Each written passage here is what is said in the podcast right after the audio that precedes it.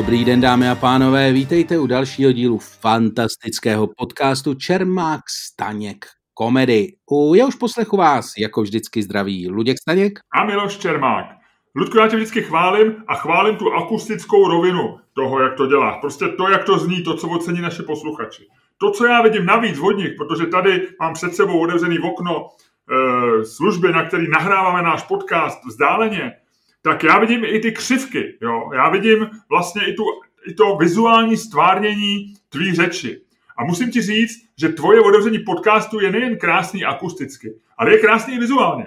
Hele Miloši, a to, kdyby si moje křivky viděl naživo? E, děkuju, pojďme dál, pojďme dál, pojďme otevřít témata dnešního podcastu. A pojďme k naší otázce. Hodně lidí kritizuje, že budou dlouho zavřený holičství a kadeřnictví. Jo, jo, já to třeba kritizuju taky, já začínám mít fakt problém. Lidem vadí, že dřív se půjde možná i do školy, že dřív odevřou divadla pro 50 lidí, že možná restaurace a tak dále, ale ty znáš líp tyhle ty čísla. Kdy jsou naplán, kdy je naplánované otevření kadeřnictví? Provoz budou moci 25. května zahájit i kadeřnictví, manikura, maserské služby nebo například solária. Takže prosím tě, dřív se otevřou kadeřnictví než vnitřní pavilony zoologických zahrad.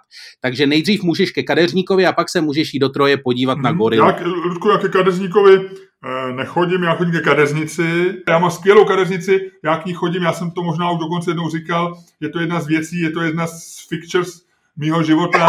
Já chodím ke stejné kadeřnici od roku 94. My jsme spolu zestárli s mojí paní kadeřnicí, e, takže já chodím ke kadeřnici v tuhle tu chvíli už 4, 26 let. Chodím, řekl bych, skoro přesně čtyřikrát do roka. E, to znamená, že já jsem u ní zase tolikrát nebyl za těch 26 let, ale je to tak 120krát. Jsem nadšený, jsem u ní vždycky tak 20-25 minut. E, ona mě nádherně ostříhá, já se vždycky rozloučím. A... Mně se na tom líbí, ty jsi opravdu, ty o sobě říkáš, že jsi reganovec, ale mně se líbí, jak jsi fakt takový ten konzervativec jako starýho střihu až jako v neurotický, eh, jako v neurotický úpravě, že ty jsi opravdu jako 26 let stejnou kadeřnici hustý. Jakože prostě žádná změna. Ne, ne, ne. Ale já tohle, já to nemám jako, že bych byl úzkostlivý, že bych jako eh, takový ty lidi, co musí sedět na stejném místě v tramvaji a tak to, to úplně nemám. I když taky rád mám si oblíbený místečka v tramvaji, samozřejmě, to je jasný. Ale u té kadeřnice já to prostě beru, že e, je to věc, která jakoby funguje, funguje skvěle e, a párkrát jí to ujede. Ona třeba říká, že když je naštvaná, jo, ne na mě, ale když je naštvaná, že stříhá víc. Jo. Takže e, třeba za těch 26 let se jedn, třeba dvakrát, třikrát stalo, že mě jako vzala opravdu hodně. A já, já to moc nemám rád, já mám jako a já vždycky říkám, teď se ošidíte, paní kadeřnice, teď e, já pak k vám nepůjdu díl než ty tři měsíce, jo, a mě to rozhodí rytmus a všecko, no, takže, ale já i když se občas mě třeba vzala víc a byl jsem jako trošičku nespokojený, tak jsem vždycky řekl, hele, to ještě není ten problém, kvůli kterému bych k ní přestal chodit. Samozřejmě, když pak takhle mám něco oblíbeného a nějak ten člověk naštve, tak pak jako jsem schopný udělat změnu. Jo? To my konzervativci děláme. Ale tady říkám, perfektně to funguje, 26 let. Proč bych to měnil? No Proč? to je pravda, to je pravda. Ty od svého účesu moc nečekáš, to se budeme vyprávět. Hele, um... Ty jsi to řekl špatně. Ty jsi, ty jsi obětí takový tý, eh, těch lidí, kteří úplně nezvládají princip kauzality. Jo? Je to opačně. Můj účes moc neočekává ode mě. ano, ano. Nesmí si jak debil. Já mám vlasy, které by mohly být ve všech učebnicích e, vlasů, e, mám vlasy, které mnoho nepotřebují a můj účet prostě, můj úč, ne účet, účes ode mě moc neočekává, protože co s tím taky? To, to nejde moc vylepšit, promiň. Uh, jo, to máš pravdu, to máš pravdu. Já bych měl říct, ano, ty chodí količi skutečně čtyřikrát ročně, takže je to vždycky takový trošku dramatický, zároveň ne, což je fascinující, to je takový jako zajímavý paradox, že ty, když se ostřiháš, tak vždycky mě to vlastně, já na tebe koukám, říkám si, ty to je vlastně hrozná změna a pak mě okamžitě v další moment mě napadne, kdy vlastně vypadá pořád stejně. Jo? Je jako strašně zajímavý, strašně zajímavý fenomén, to je jako, to jsem, jako, to mám jenom u tebe. No nicméně prostě tobě z nás dvou budou pravděpodobně zavřený kadeřnictví vadit míň. Mně nevadí vůbec. Mě by to vadilo, já, já myslím po půl roce bych trošku znervoznil, mě navíc dlouhý vlasy nevadí, mě spíš vždycky do toho kadeřnictví začne vysílat ty poslední dva týdny eh, jako okolí, to znamená manželka, nebo děti, nebo, nebo moje matka. Že si šlapeš na ofinu. A, a mě to jako reálně začne vadit třeba při běhání, jo? že ti začne bouchat. Že narazíš do značky? To ne, ale že ti ty vlasy, jak běží, tak mi bouchají do očí. Hele, tak pojď dát otázku, pojď dát otázku. Já jsem pochopil, že ty jsi rozčílený, že kadeřníci otevřou tak pozdě. No jako, mně to přijde, oni se všichni teď rozčilou, že kadeřníci otvírají, že kadeřníci otevřou strašně pozdě a Hele, že to zdy... Sranda je, že lidi jsou dneska rozčílený furt. Kupoval jsem si škvarkovou placku u kiosku před uh, nádražím střed, před Masarykovým nádražím. A přede mnou byl chlap v monterkách a něco kupoval, paní něco řekla a on, a on jí odpověděl, ani, ani, mi, to, ani mi ho nepřipomínějte, zasranýho babiše. A pak odcházel ven a šel do ulicí v Celnici směrem k náměstí republiky. A asi des, deset minut ne, ale dvě minuty bylo slyšet zasraný babiš, já se na to... A normálně zvál, nesl si v pytlíčku, bylo to dojemný nějaký, možná měl koblihy, nějaký prostě pečivo. On asi si kupoval koblihy a ona řekla, to máte jak od babiše a ti mu zkazila náladu, si myslím, jo. On byl na ní, on jako jí slušně poděkoval za to a říká, ani mi ho nepřipomínejte. A pak šel chudák s těma koblihama a řval a prostě nadával, až, až úplně vyzel z doslechu na babiše. A mně to přišlo úplně jako přízračný. Jo. Hele, ale z otázky Babiše vy, vy, vy, vyndáme. Hele, co kdyby otázka zněla, ukáže se, že svět nepotřebuje pánské kadeřníky. Jo, to je dobrý nápad. Ano. Nebo ukáže se, že nepotřebujeme pánské kadeřníky. Já si myslím, že totiž nebudeme potřebovat nejenom pánské kadeřníky, ale nebudeme potřebovat i spoustu jiných zajímavých věcí, eh, o kterých jsme si mysleli, že potřebovat budeme mm-hmm. který tato, který tato záležitost může jako velice velice super spláchnout. A ono už se o tom začíná mluvit. To je docela, hele, to proberem. To proberem. Máš minci? Uh, Ludku, já jsem v našem myprosném studiu v Kalí, takže tady by někde měla být Vydrž chvilku, já hledám novou eurovku. Firmákům dorazila krize. Už došly dvou eurovky. Hele, je to tak? Za chvíli sežerou nejtlustšího. Luďku, vadila by ti eurovka? Já vím, ale všichni se musí uskromnit. Vadila by ti eurovka? Ne, všichni se musíme uskromnit, to je pravda. To je pravda. Takže na, na lícové straně samozřejmě je jednička, je to ten nejznámější vlastně vizuál pro euro, který se vždycky používá v novinách, když se eh, bavíme o přijetí eura. A vzadu je takový ten, jak jako ten chlápek s těma jako nohama a rukama, jak to bylo na nějaký té kosmické lodi, jestli víš. Jak ty... Myslíš Leonarda da Vinciho? Člověk v kruhu a člověk v No, no, no, to je Leonardo da Vinci? To je Leonardo da Vinci, ano. Tak eh, ze z druhé strany je uh, kresba Leonardo da Vinciho a uh, když padne jednička, ty říkáš, uh, svět uh, ukáže se, že je nepotřebuje, ano, jo, a když padne Leonardo da Vinci, tak to říkám já, jo? Hele, já to házím a je tam jednička. Takže říkáš, Lučku, ano, ukáže se, že svět nepotřebuje pánský kadeřníky. Já si myslím, že svět nepotřebuje, eh, nebude potřebovat pánský kadeřníky, protože jednak na ně lidi nebudou mít peníze a za druhý si myslím, že prostě tenhle svět přijde o spoustu věcí, o kterých si myslel, že je potřebovat bude a který ve skutečnosti potřebovat nebude. A myslím si, že prostě dojde k tomu, že zatímco já, který se na rozdíl od tebe chodím stříhat za 700 korun každý měsíc až dva, Zatímco ty se chodíš 700 za svých... korun? 650, no. Ty platíš 650 korun no. Za tu věc, kterou, eh, když se vydáme, prezentuješ na hlavě? Ano. Uh, pokračuj. no, takže si myslím, že prostě eh, vlastně jako logika věci velí, že já zjistím, že můj účes, přesně jak jsem teďko z tvý reakce pochopil, je zbytečně drahý a myslím si, že prostě tohle to je věc, kterou bude dělat víc lidí, nebude se to stávat jenom s kadeřníkama. A rozhodně e, to bude tak, že ten princip bude ze zhora dolů, to znamená, budeš své nároky snižovat, v době pokoronový, spíš než aby si je, aby si je zvyšoval. E, to znamená, že já si myslím, že e, nejenom, že svět zjistí, že nepotřebuje pánský kadeřníky, nebo spousta lidí zjistí, že nepotřebuje pánský kadeřníky za 700 korun, ale zároveň svět i zjistí, že nepotřebuje spoustu dalších věcí, spoustu jako upmarketových restaurací, spoustu prostě spoustu píčovin. Můj argument pro kadeřníky pánský, jakkoliv pánský kadeřníky vlastně nepotřebuju a, a já myslím, že to je trošku, a my se nebavíme jen o pánských kadeřnicích, ale já bych ještě zdůraznil holiče, jo, barbershopy. Vem si, kolik je v Karlíně barbershopů. Já myslím, že to, to ani nejde spočítat dneska, jo. Oni jsou zavření. Ale kolik bylo v únoru barbershopů v Karlíně. A já ti řeknu jinou věc. Prostě kadeřnictví a holiči, holiči spíš, já, já řeknu holiči, jo. Holiči jsou symbolem civilizace. Jo. To znamená, že jestliže, a pro mě to moc neznamená, protože... Mě vlastně překvapuje, že se holíš. Ale uvědomuju si, že prostě je to jeden ze symbolů civilizace. A že to pro spou... Takže pro mě jakoby kadeřnictví je takovým jako vlastně chrámem civilizace pro muže.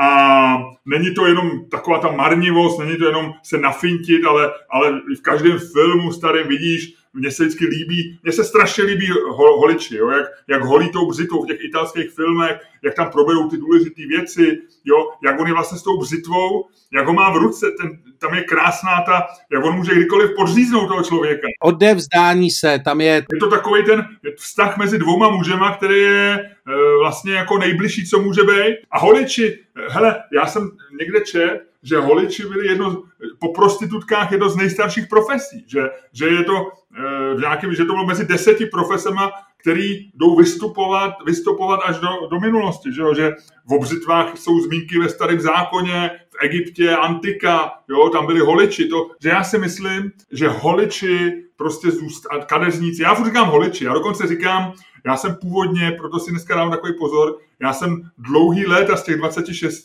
říkal e, týmí kadeřnici paní Holičko, jo. A ona se vždycky strašně urazila, jo. Protože Ona říká, já nejsem holička, já jsem kadeřnice. Jo? A já říkám, jo, jasně. Ale když, jdu, když říkám ženě, tak já říkám, já si budu holiči nebo holičce. Jo? Já neříkám kadeřnici, já říkám holička. Takže pro mě holiči a kadeřníci jsou vlastně, a tím končím ten první svůj výstřel, že kadeřníci jako přežijou každou krizi. Že to bude něco, že i když lidi nebudou mít co žrát, tak se budou nechat ostřídat, protože to bude to zdání a ta iluze a to, a tento zachování té normality. Že to je ta jedna z těch píčovin, o který, která přijde na řadu jako opravdu poslední. Že dřív lidi budou mít spíš hlad, než aby se nenechali ostříhat. Férový argument, férový argument. Ty v podstatě říkáš, že uh, můj uh, holič v podstatě stojí mezi, mezi mnou jako civilizovaným člověkem a divočinou. On v podstatě svýma nůžkama zabraňuje tím, abych já se přenesl plynule do eh, neolitu třeba. Ano, já myslím, že to slovo civilizovanost, že to je vlastně jeden ze symbolů civilizovanosti nebo civilizace, je asi nejpřesnější, co se o tom dá říct. To je můj argument. No, jasně, to jako asi vlastně, jo. Nicméně, eh, teď je otázka, jestli ty jsi civilizovanější, nebo jestli já jsem civilizovanější za 700 korun, nebo ty jsi civilizovaný dostatečně za svoji stovku. Ta cena služby podle mě s tím nesouvisí, s tím principem. Jo. No nicméně, já si myslím, že eh, cena služby v tomhle problému hraje roli, protože my se bavíme o něčem, co je velmi základní. Jo. A eh, když si to řekneme, když si to před, předáme z holičství nebo z kadeřnictví třeba na restaurace, tak se samozřejmě jako na jednu stranu eh, zajde prostě spousta restaurací, který koncept eh, obyčejného prostě dopravení jídla z talíře do pusy dovedli prostě do nějakého šíleného extrému a e, vlastně se ukázali, že vlastně se ukázalo, že to dovedli do extrému, který lidi ocenějí pouze pokud mají čas na píčoviny a peníze na píčoviny. Ale vlastně s konceptem klasického dostání se z talíře, jídla z talíře do pusy to vlastně už ne, nemá tak, tak moc co dělat.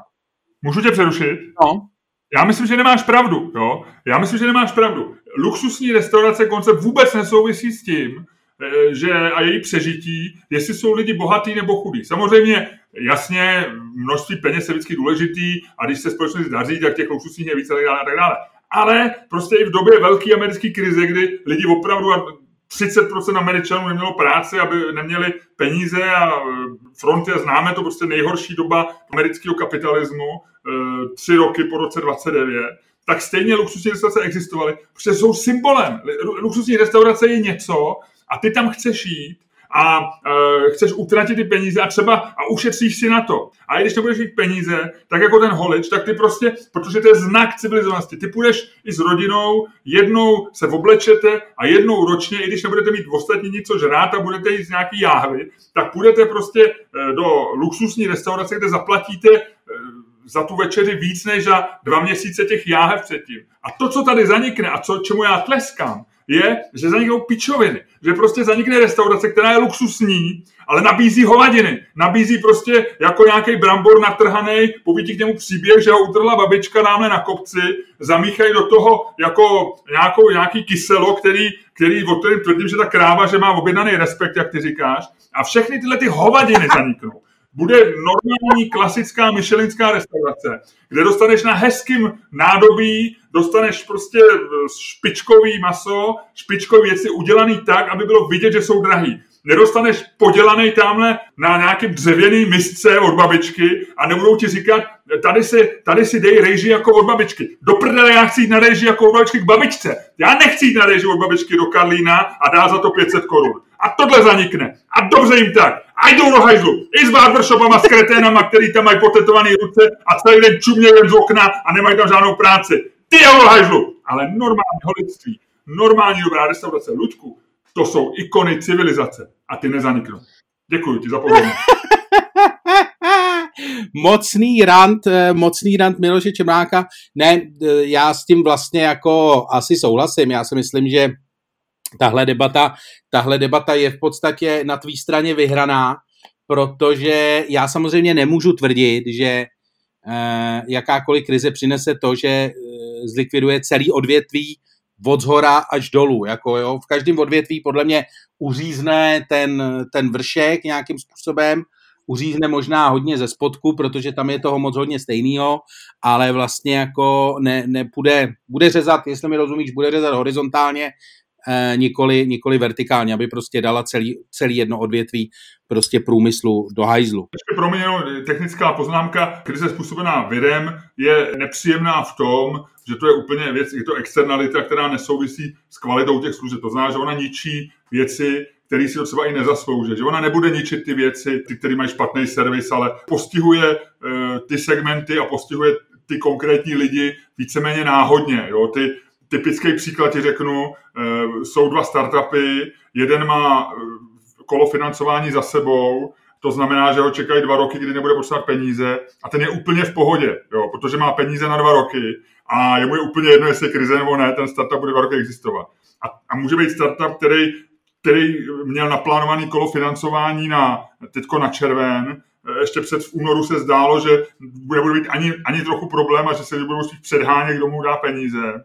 A ten peníze nedostane. A vůbec to neznamená, který si dostat, bude lepší. Ten první může dělat úplnou kravinu, který nikdy nebude profit, až, teda, a ten za dva roky zanikne. A tady ten moh, může mít našlápnuto k tomu být druhý Google, ale protože nedostane v červnu peníze, protože prostě investoři budou opatrní z nějakého důvodu nebo to vyhodnotí jinak. Takže to je blbý na té krizi, že ona nesouvisí úplně, že, že je jako náhodná, ale, ale, ale myslím si, že ten přínos její může být v tom, že se prostě části těch, čemu já jsem říkal píčovina, předtím jsem se trochu nechal unést, tak eh, tohle trochu nás může zbavit. No hele, když mluvíš o těch píčovinách, já jsem to teď naši, naší facebookovou bublinou prostřelila hmm. Eh, prostřelila ta kauza zavřený restaurace kuchyň, což bylo, což mě fascinovalo. Já o tom, já o tom ti musím něco říct. Jako kuchyň byla za mě borderline píčovina. A bylo to hrozně zajímavé, protože já jsem vlastně strašně dlouho neuměl tu restauraci používat. To byla první restaurace, kterou já jsem neuměl používat.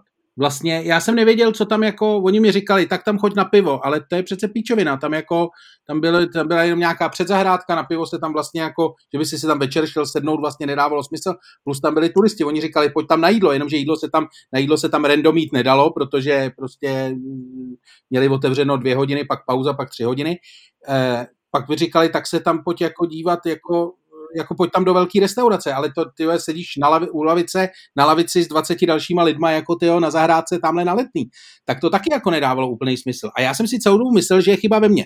A potom teprve, když jako uh, kuchyň padla, oni to oznámili, respektive bývalý, uh, bývalý marketingový ředitel Ambiente to oznámil v takovém jako blogu, kde byl hrozně upřímný, hrozně hezky to jako mluvil. A on mi tam vlastně jako vysvětlil, proč vlastně mě ta restaurace srala celou dobu. A já jsem to teprve díky tomu, díky tomu jeho blogu jsem to pochopil. On tam říká nádhernou věc, on tam říká, eh, to, což souvisí s píčovinama, on tam říká, že prostě jejich koncept byl hrozně arrogantní, že oni na, na jednu stranu tam chtěli čepovat pivo a dělat dobrou v úzovkách domácí kuchyni, na druhou stranu tam prostě jako eh, se tvářila jako velká restaurace a vlastně nedávalo to smysl ani z jedné strany. Já si myslím, že přesně zaniknou jako arrogantní koncepty. Že si myslím, že to je přesně to slovo, že takový to jako, když si prostě vymyslíš někde tyjo, nastřelený nějakým jako e, tamhle tyjo, filtrovaným, filtrovaným presem tyjo, z nějaký tamhle e, ručně se sbíraný kávy v Karlíně se prostě po 25. tady té kávě prostě vymyslíš geniální koncept který prostě ty lidi přece musí pochopit, protože to je úplně skvělý a přesně tohle to budou chtít a budou to potřebovat, aby si potom za měsíc zjistil, že je to fakt úplná píčovina, tak to si myslím, že tohle to zmizí. Eh, jenom tě opravím v jedné drobnosti, ty jsi říkal grillo, když jsi říkal filtrovaný preso, eh, to mi trošku, to myslím, že asi neexistuje, víš, asi spojit obojí, ale možná jo, nevím. Teďko přesně sedí v Kalině nějaký frér, který přemýšlí, ty vole, co kdybych měl filtrovaný... Jo, teďko bere telefon a volá Karpičkovi a říká, hele, teď poslouchám podcast o těch staněk, filtrovaný preso, co tomu říkáš, co tomu říkáš? A Karpič říká, to je hovadina, ne? A říká, no jo, jo, ale hele, dáme tomu, bude to stát 129, bude to bez mlíka a bude to samozřejmě eko, bude to, budeme brát zrnka, bude to, já nevím, kolik typuješ, 37 zrnek kávy, tohle, hele, a za měsíc tady, no to bude zavřít, no, na podzim tady máme otevřenou restauraci. Mně se líbí, jak ty máš na ten Karlín žízeň, ty. ty já mám rád, já tady, já tady bydlím a pracoval jsem tady pět let a, a, a pohybuje se tady, to není žízeň, ale a, a vlastně mně se svým způsobem líbí v té bizarnosti, no, je to, to je prostě, ty seš jako fakt ve filmu, já už jsem to říkal v jednom stand-upu, to je jak film, ty vyjdeš ven a připadáš si jak ve filmu, tady ty lidi na těch koloběžkách, eh, tady byly eh, sdílený kola ještě, ještě než bylo kolo vynalezený, jo, a, a takže tady fakt, ty máš pocit, že hraješ ve filmu, když tady chodíš, jo. A jsou to neuvěřitelné věci někdy, co vidíš, jo. A všechny ty e, kavárny a restaurace a tak. Takže hm, ale co mě jako vlastně v, poslední roce, v posledním roce, co se stalo módou, nebo několika letech, a já myslím, že to trošku nastartoval lokál, taky věc ambienty. A, a aby to nepadlo, že mám že máme řízení jenom na chudáka Karpička, já obdivuju to, jaký prachy umí vydělat a jak, jak to má lově srovnaný a je to ikona prostě české gastronomie, ale, ale prostě mě vždycky vadil lokál, jo, prostě, že, jako, že, že oživíš jako pražskou čtyřku, ale dáš tam ceny, jako byly v dobách pražských čtyřek, restaurace, která byla první cenové kategorie dříve v tom. Jo, a to je dneska, to s tím se dostane pytel, jo, na, na, na Vinohradech je nějaký výčep, jo, a skvělá hospoda, sympatická, příjemný, mají to založení na tom, že jsou jakoby výčep, že to je no, takový no, jako, jakoby zaplivaný, ale vlastně dostáváš špičkovou gastronomii, jo. A já vlastně nevím, co na tom ty lidi fascinuje, jo? nebo takový to od babičky, že to je jako od babičky, ale je to špičková gastronomie. A já mám pocit, že to je nějaká taková jako česká trochu slepá ulička toho, že, že my, my máme jako rádi takový ty zemitý věci, jako že, že ještě z obrozenectví, takový ty jako naše, ale chceme zaplatit ty vole raketu, jako kdyby to bylo v Ricu v Paříži. Ne, to je jako, to je nesmysl, že jo, to je, ono to samozřejmě je strašně populární, a lokály, nebo ten koncept jako takovej, případně těch dalších, který se na to, jako, hele, kdyby byly jenom lokály, tak je to dobrý, ale vzhledem k tomu, že, jsou, že je spousta lidí, kteří tady ten koncept nějakým způsobem napodobujou nebo nějakým způsobem se snaží rozvíjet, tak už to začíná být fakt nesnesitelný. Ale to je koncept, který to je, lokál je ve stejné množině, lokál a podobné hospody, aby správně, aby jsme eh, ne, nešili, nešili jenom do, do Karpíška, který jako oba dva obdivujeme tak lokál a podobné hospody jsou přesně ve stejné množině jako ty vole program ČT1 v sobotu večer. To znamená, vole, reprízy sedmdesátkových věcí. Lidi u toho sedějí u televize a slintají u toho a budou u toho sedět, vole, dokud nezdechnou. Tady v té republice. Budou tam sedět, vole, tady jim poteče slina a budou se dívat na Menčíka z roku 1977, vole. A budou přemýšlet o tom, jak to tehdy bylo nádherný, vole. Jak jsme se uměli bavit, vole, a jaký pan Menčík byl pan herec, vole. A úplně stejný úplně stejný množině jsou prostě lokály. To je vzpomínání, vole, na něco, co bylo příšerně hnusný, ale co jako má takovej ten, vlastně, jako, to vlastně bylo docela hezký. Pojďme si to připomenout. Prostě lokály jsou, vole, ČT1 v sobotu večer. Tak ono ze začátku je to vtip, ale když se z tohohle stal jako gastronomický trend, že jako se budou brát věci jako low-endový, to znamená, já nevím, typicky babička, domácí kuchyně, jako, eh, já vím, že jako domácí není low end, ale je to něco, ty nejdeš do restaurace, aby si jedl jídlo od babičky, jídlo od babičky jíš u babičky, jo, a ty jdeš do restaurace, aby si se oblík, aby si měl zážitek a tak, jo. A když nemáš babičku? Když nemáš babičku, tak máš smůlu, ty vole, tak si to, tak... Tak můžeš jít právě do restaurace, restaurace... Ne, ne, ne, ne, ne, ne, tak si to naučíš dělat, nebudeš chytý babičce, nebo si najdeš někoho s babičkou deserně.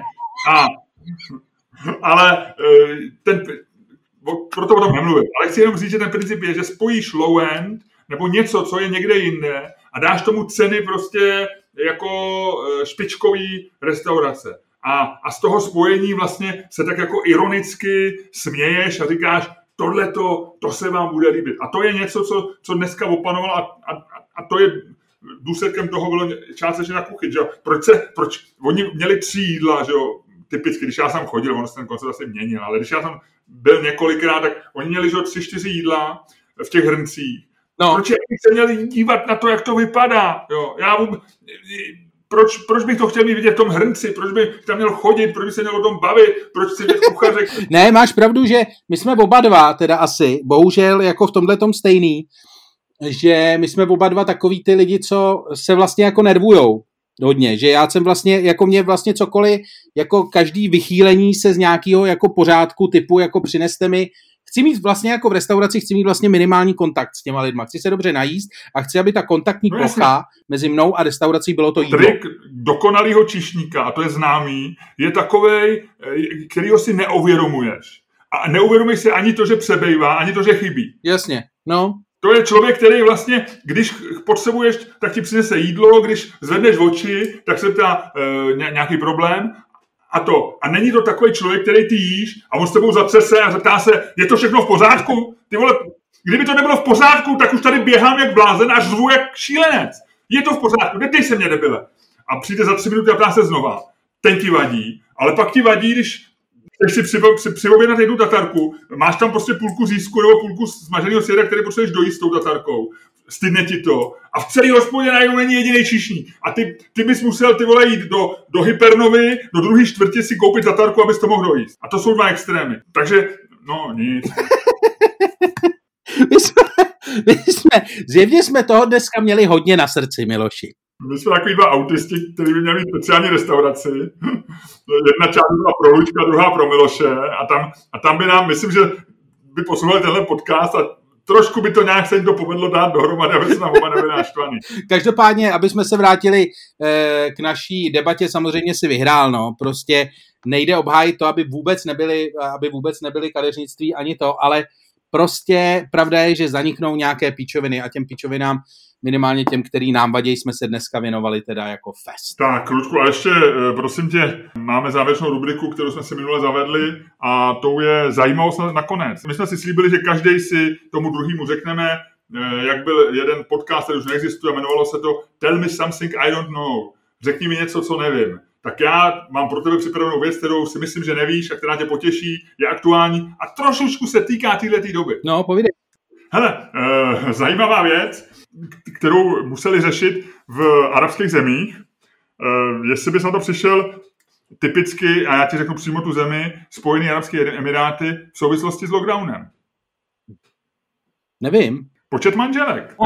Ty máš čtyři manželky a typicky to je tak, že ona každá bydlí sama. Někdy to je, já jsem měl, eh, znal jsem člověka, byl to bloger, znal jsem ho, poznal jsem ho v Berlíně na nějaký konferenci, který měl, říkal, že to má vlastně v jedné zahradě, ale to je Nigeria, nevím, jak je to v Arabských Emirátech, tam zahrady nejsou.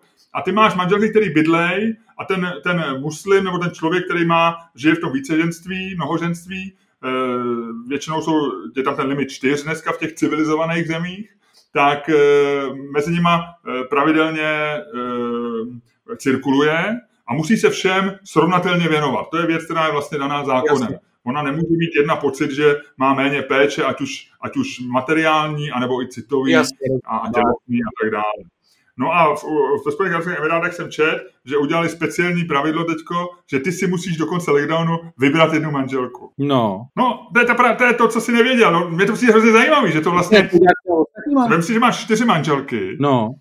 A tak nějak mezi nimi koluje, že jo, přenášíš si ty věci osobní potřeby, ta logistika, já jsem o tom čet, je docela zajímavá, ty máš ve všech těch domech eh, takové ty věci, jako ty, co tam, eh, aby si, ty si nepřenášíš samozřejmě, já nevím, počítač a monitor a takovéhle věci, ale přenášíš si kartáček na zuby a knížky a věci, co čteš zrovna tak. No ale ty si musíš vybrat vlastně jeden domov na ten lockdown. A to vnáší hrozný stres pro toho člověka i na ty ženský, že jo, kterou si vybere. To je přece na rozvod, ne? No, přesně, jako, a teď ostatní, a bude, a bude jako tady ta, a, a on si nemůže po třech dnech říct, ale už mě nebavíš a to, on si musí vybrat a teď ten lockdown může trvat, já nevím, teďko v Česku máme, že jo, uh, říkají nouzový stav ještě měsíc nebo tak nějak, jo.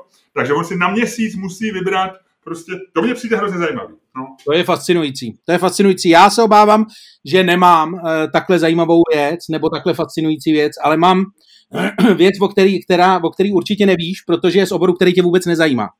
Aha, no tak um, my jsme teda řekli, že, že podmínkou je, že to má být věc, která mě bude zajímat a kterou nevím. Ale dobře, co mě to bude zajímat?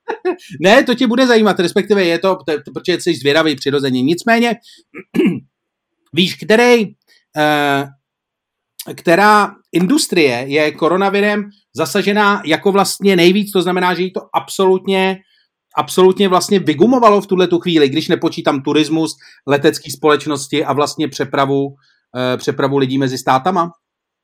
No tak asi to bude něco nečekaného, když ty říkáš. Zároveň to věci na mě nezajímá, takže bych řekl, že to může být něco třeba, já nevím, s hudbou, eh, nebo mm, něco s módou, týkající se módy, protože to jsou věci, které tebe zajímají a mě ne, ale nechám se podat. Sportovní sázky, kamaráde. A sportovní sázky, sport mě nezajímá, no jo. Někdo říkal, že, a já už jsem se na to chtěl podívat několikrát, a říkal jsem si, možná je to věc i do nějakého našeho podcastu, že Fortuna teďko má hrozně vtipný sázky na všechno možný. Hele, je to tak, že e, jako betting a v posledních letech primárně online betting nebo online sázení je prostě, to je miliardový biznis uh, globální dolarek, který je založený na tom, že se hrajou sporty, že je na co sázet, že se běhají koně, že se hraje fotbal po celé planetě, první, druhá, třetí liga. A teď samozřejmě je na to nabalený obrovské množství zákazníků, kteří jsou zvyklí sázet který na to mají založený často živnosti, protože spousta, spousta lidí, kteří v tom jedou, tak sází profesionálně a vlastně jako systematicky, mají na to, chci říct, mají na to systémy a tak. A tohle to celý padlo, protože nejsou sporty. Eh, co se teda stalo? Já jsem se včera díval na nabídku sáskovky jedný, takový velký globální, hmm. jedný z větší. Víš, na co jsou tam jediný vypsaný kurzy? Vůbec nevím. Na e-sporty. Jo, jo, jo, jo. Že lidi hrajou vlastně fotbal na počítači a ty sázíš na to, kdo vyhraje. Formule 1 se začala jezdit jako e-sport, že jsou zrušeny teď závody Formule 1 až do velké ceny Monaka, to znamená v podstatě do léta. A uh, víš, jak jste to vyřešili, jak to Formule 1 vyřešila? Normálně vzala některý ty závodníky, který to, a posadila je normálně na PlayStation a normálně ty závody vysílají. Hmm. Hmm. Tak když se zapnou před 14 dnema televizi, tak tam prostě jezdili Formule 1 až na to, že byli nakreslený a v půlce z nich seděli opravdoví piloti. A to ještě není celý. Protože samozřejmě spousta lidí má uh, svoji živnost na sázkách založenou na tom, že ty sázky ovlivňuje. Aha. Takže normálně teďko mezi hra, všichni hráči FIFI, takový ty profesionální a to, jsou takový ty nerdi, co sedí prostě několik let u počítače a ty jsou teďko v naprostém šoku, protože najednou jim z ničeho nic prostě volají na Instagramu, píšou lidi a snaží se je donutit, aby prodali zápasy. To jsou fréři, kteří mají minimální kontakt se světem, který prostě hrajou, hrajou, hrajou a teď najednou dostávají na Instagramu zprávy, pustíš tady ten zápas, jinak, vole, nevím, ti zabijeme psa, vole, nebo ti dáme, když to pustíš, tak ti dáme tolik a tolik peněz.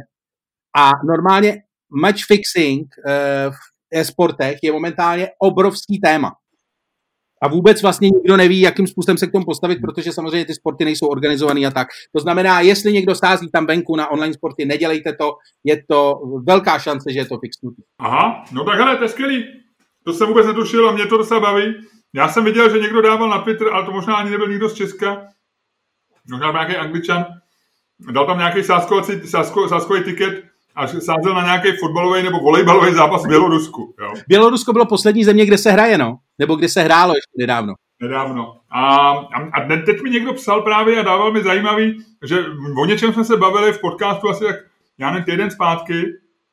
A on mi řekl, že na to jsou vypsané sázky. Jestli se třeba, já nevím, odevře že na český, že český sázkovky teďko dělají normálně politické sázky, jestli bude Hamá. Jo ano, bylo to, týkalo se to, myslím, Hamáčka a bylo tam, jestli bude ve vládě prostě, eh, já nevím, bude 1. září Hamáček ve vládě a je na to nějaké... Tohle to jako lidi, kteří opravdu sázejí, kteří se sázení věnují, tak na tohle to neradi sázejí, protože to samozřejmě je tam strašně moc externalit, ty kurzy nejsou úplně dobrý a je to spíš takové jako PR, hmm. Eh, jako PRová záležitost. Ale jako můžeme se, zkusíme si vsadit do příště nějak, no. No, pojďme se podívat na tyhle ty weby, jestli mají ty, a vybrat, vybrat co kdybychom si vybrali nějakou sázku, hodili jsme si a oba jsme si na to vsadili. Tak jo. To, co? To zní dobře. Hele, dobrý, takže máme úkol, nebo kdyby nějaký někdo z posluchačů měl na nějakou reálnou sázku s reálným kurzem e, tip, tak pošlete, nebo my si sami něco vybereme a nějaké z příští podcastu budeme věnovat tomu, že prostě si hodíme já budu hájit jednu věc, druhou věc a, a zároveň si na to buď to online, nebo druhý den někde, hm, prostě si na to vsadíme. Co? Já se těším. Lučku, děkuji ti moc a odhlaš se z našeho podcastu. Takže dámy a pánové, tohle byl další díl podcastu Čermák Staněk komedy, eh, kde jste mohli slyšet Luďka Staňka a Miloše Čermáka. Mějte se hezky, nashledanou.